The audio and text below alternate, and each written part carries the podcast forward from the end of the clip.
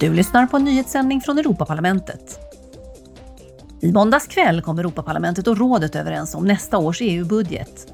De vill att en stor del av budgeten ska gå till följderna av kriget i Ukraina och en effektivare återhämtning efter pandemin. Parlamentet fick igenom att över en miljard euro utöver kommissionens ursprungliga förslag ska gå till viktiga ändamål som humanitärt bistånd, utbildningsprogrammet Erasmus plus och infrastruktur. Cirka 94 procent av EUs budget går till medborgare, regioner, städer, jordbrukare och företag.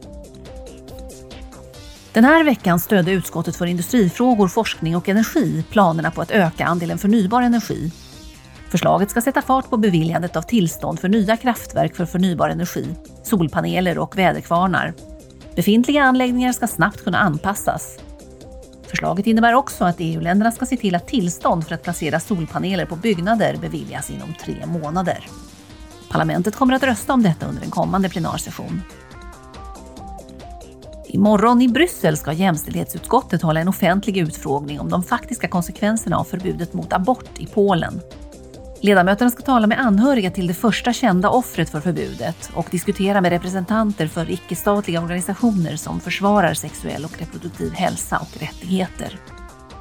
Du har lyssnat på en nyhetssändning från Europaparlamentet.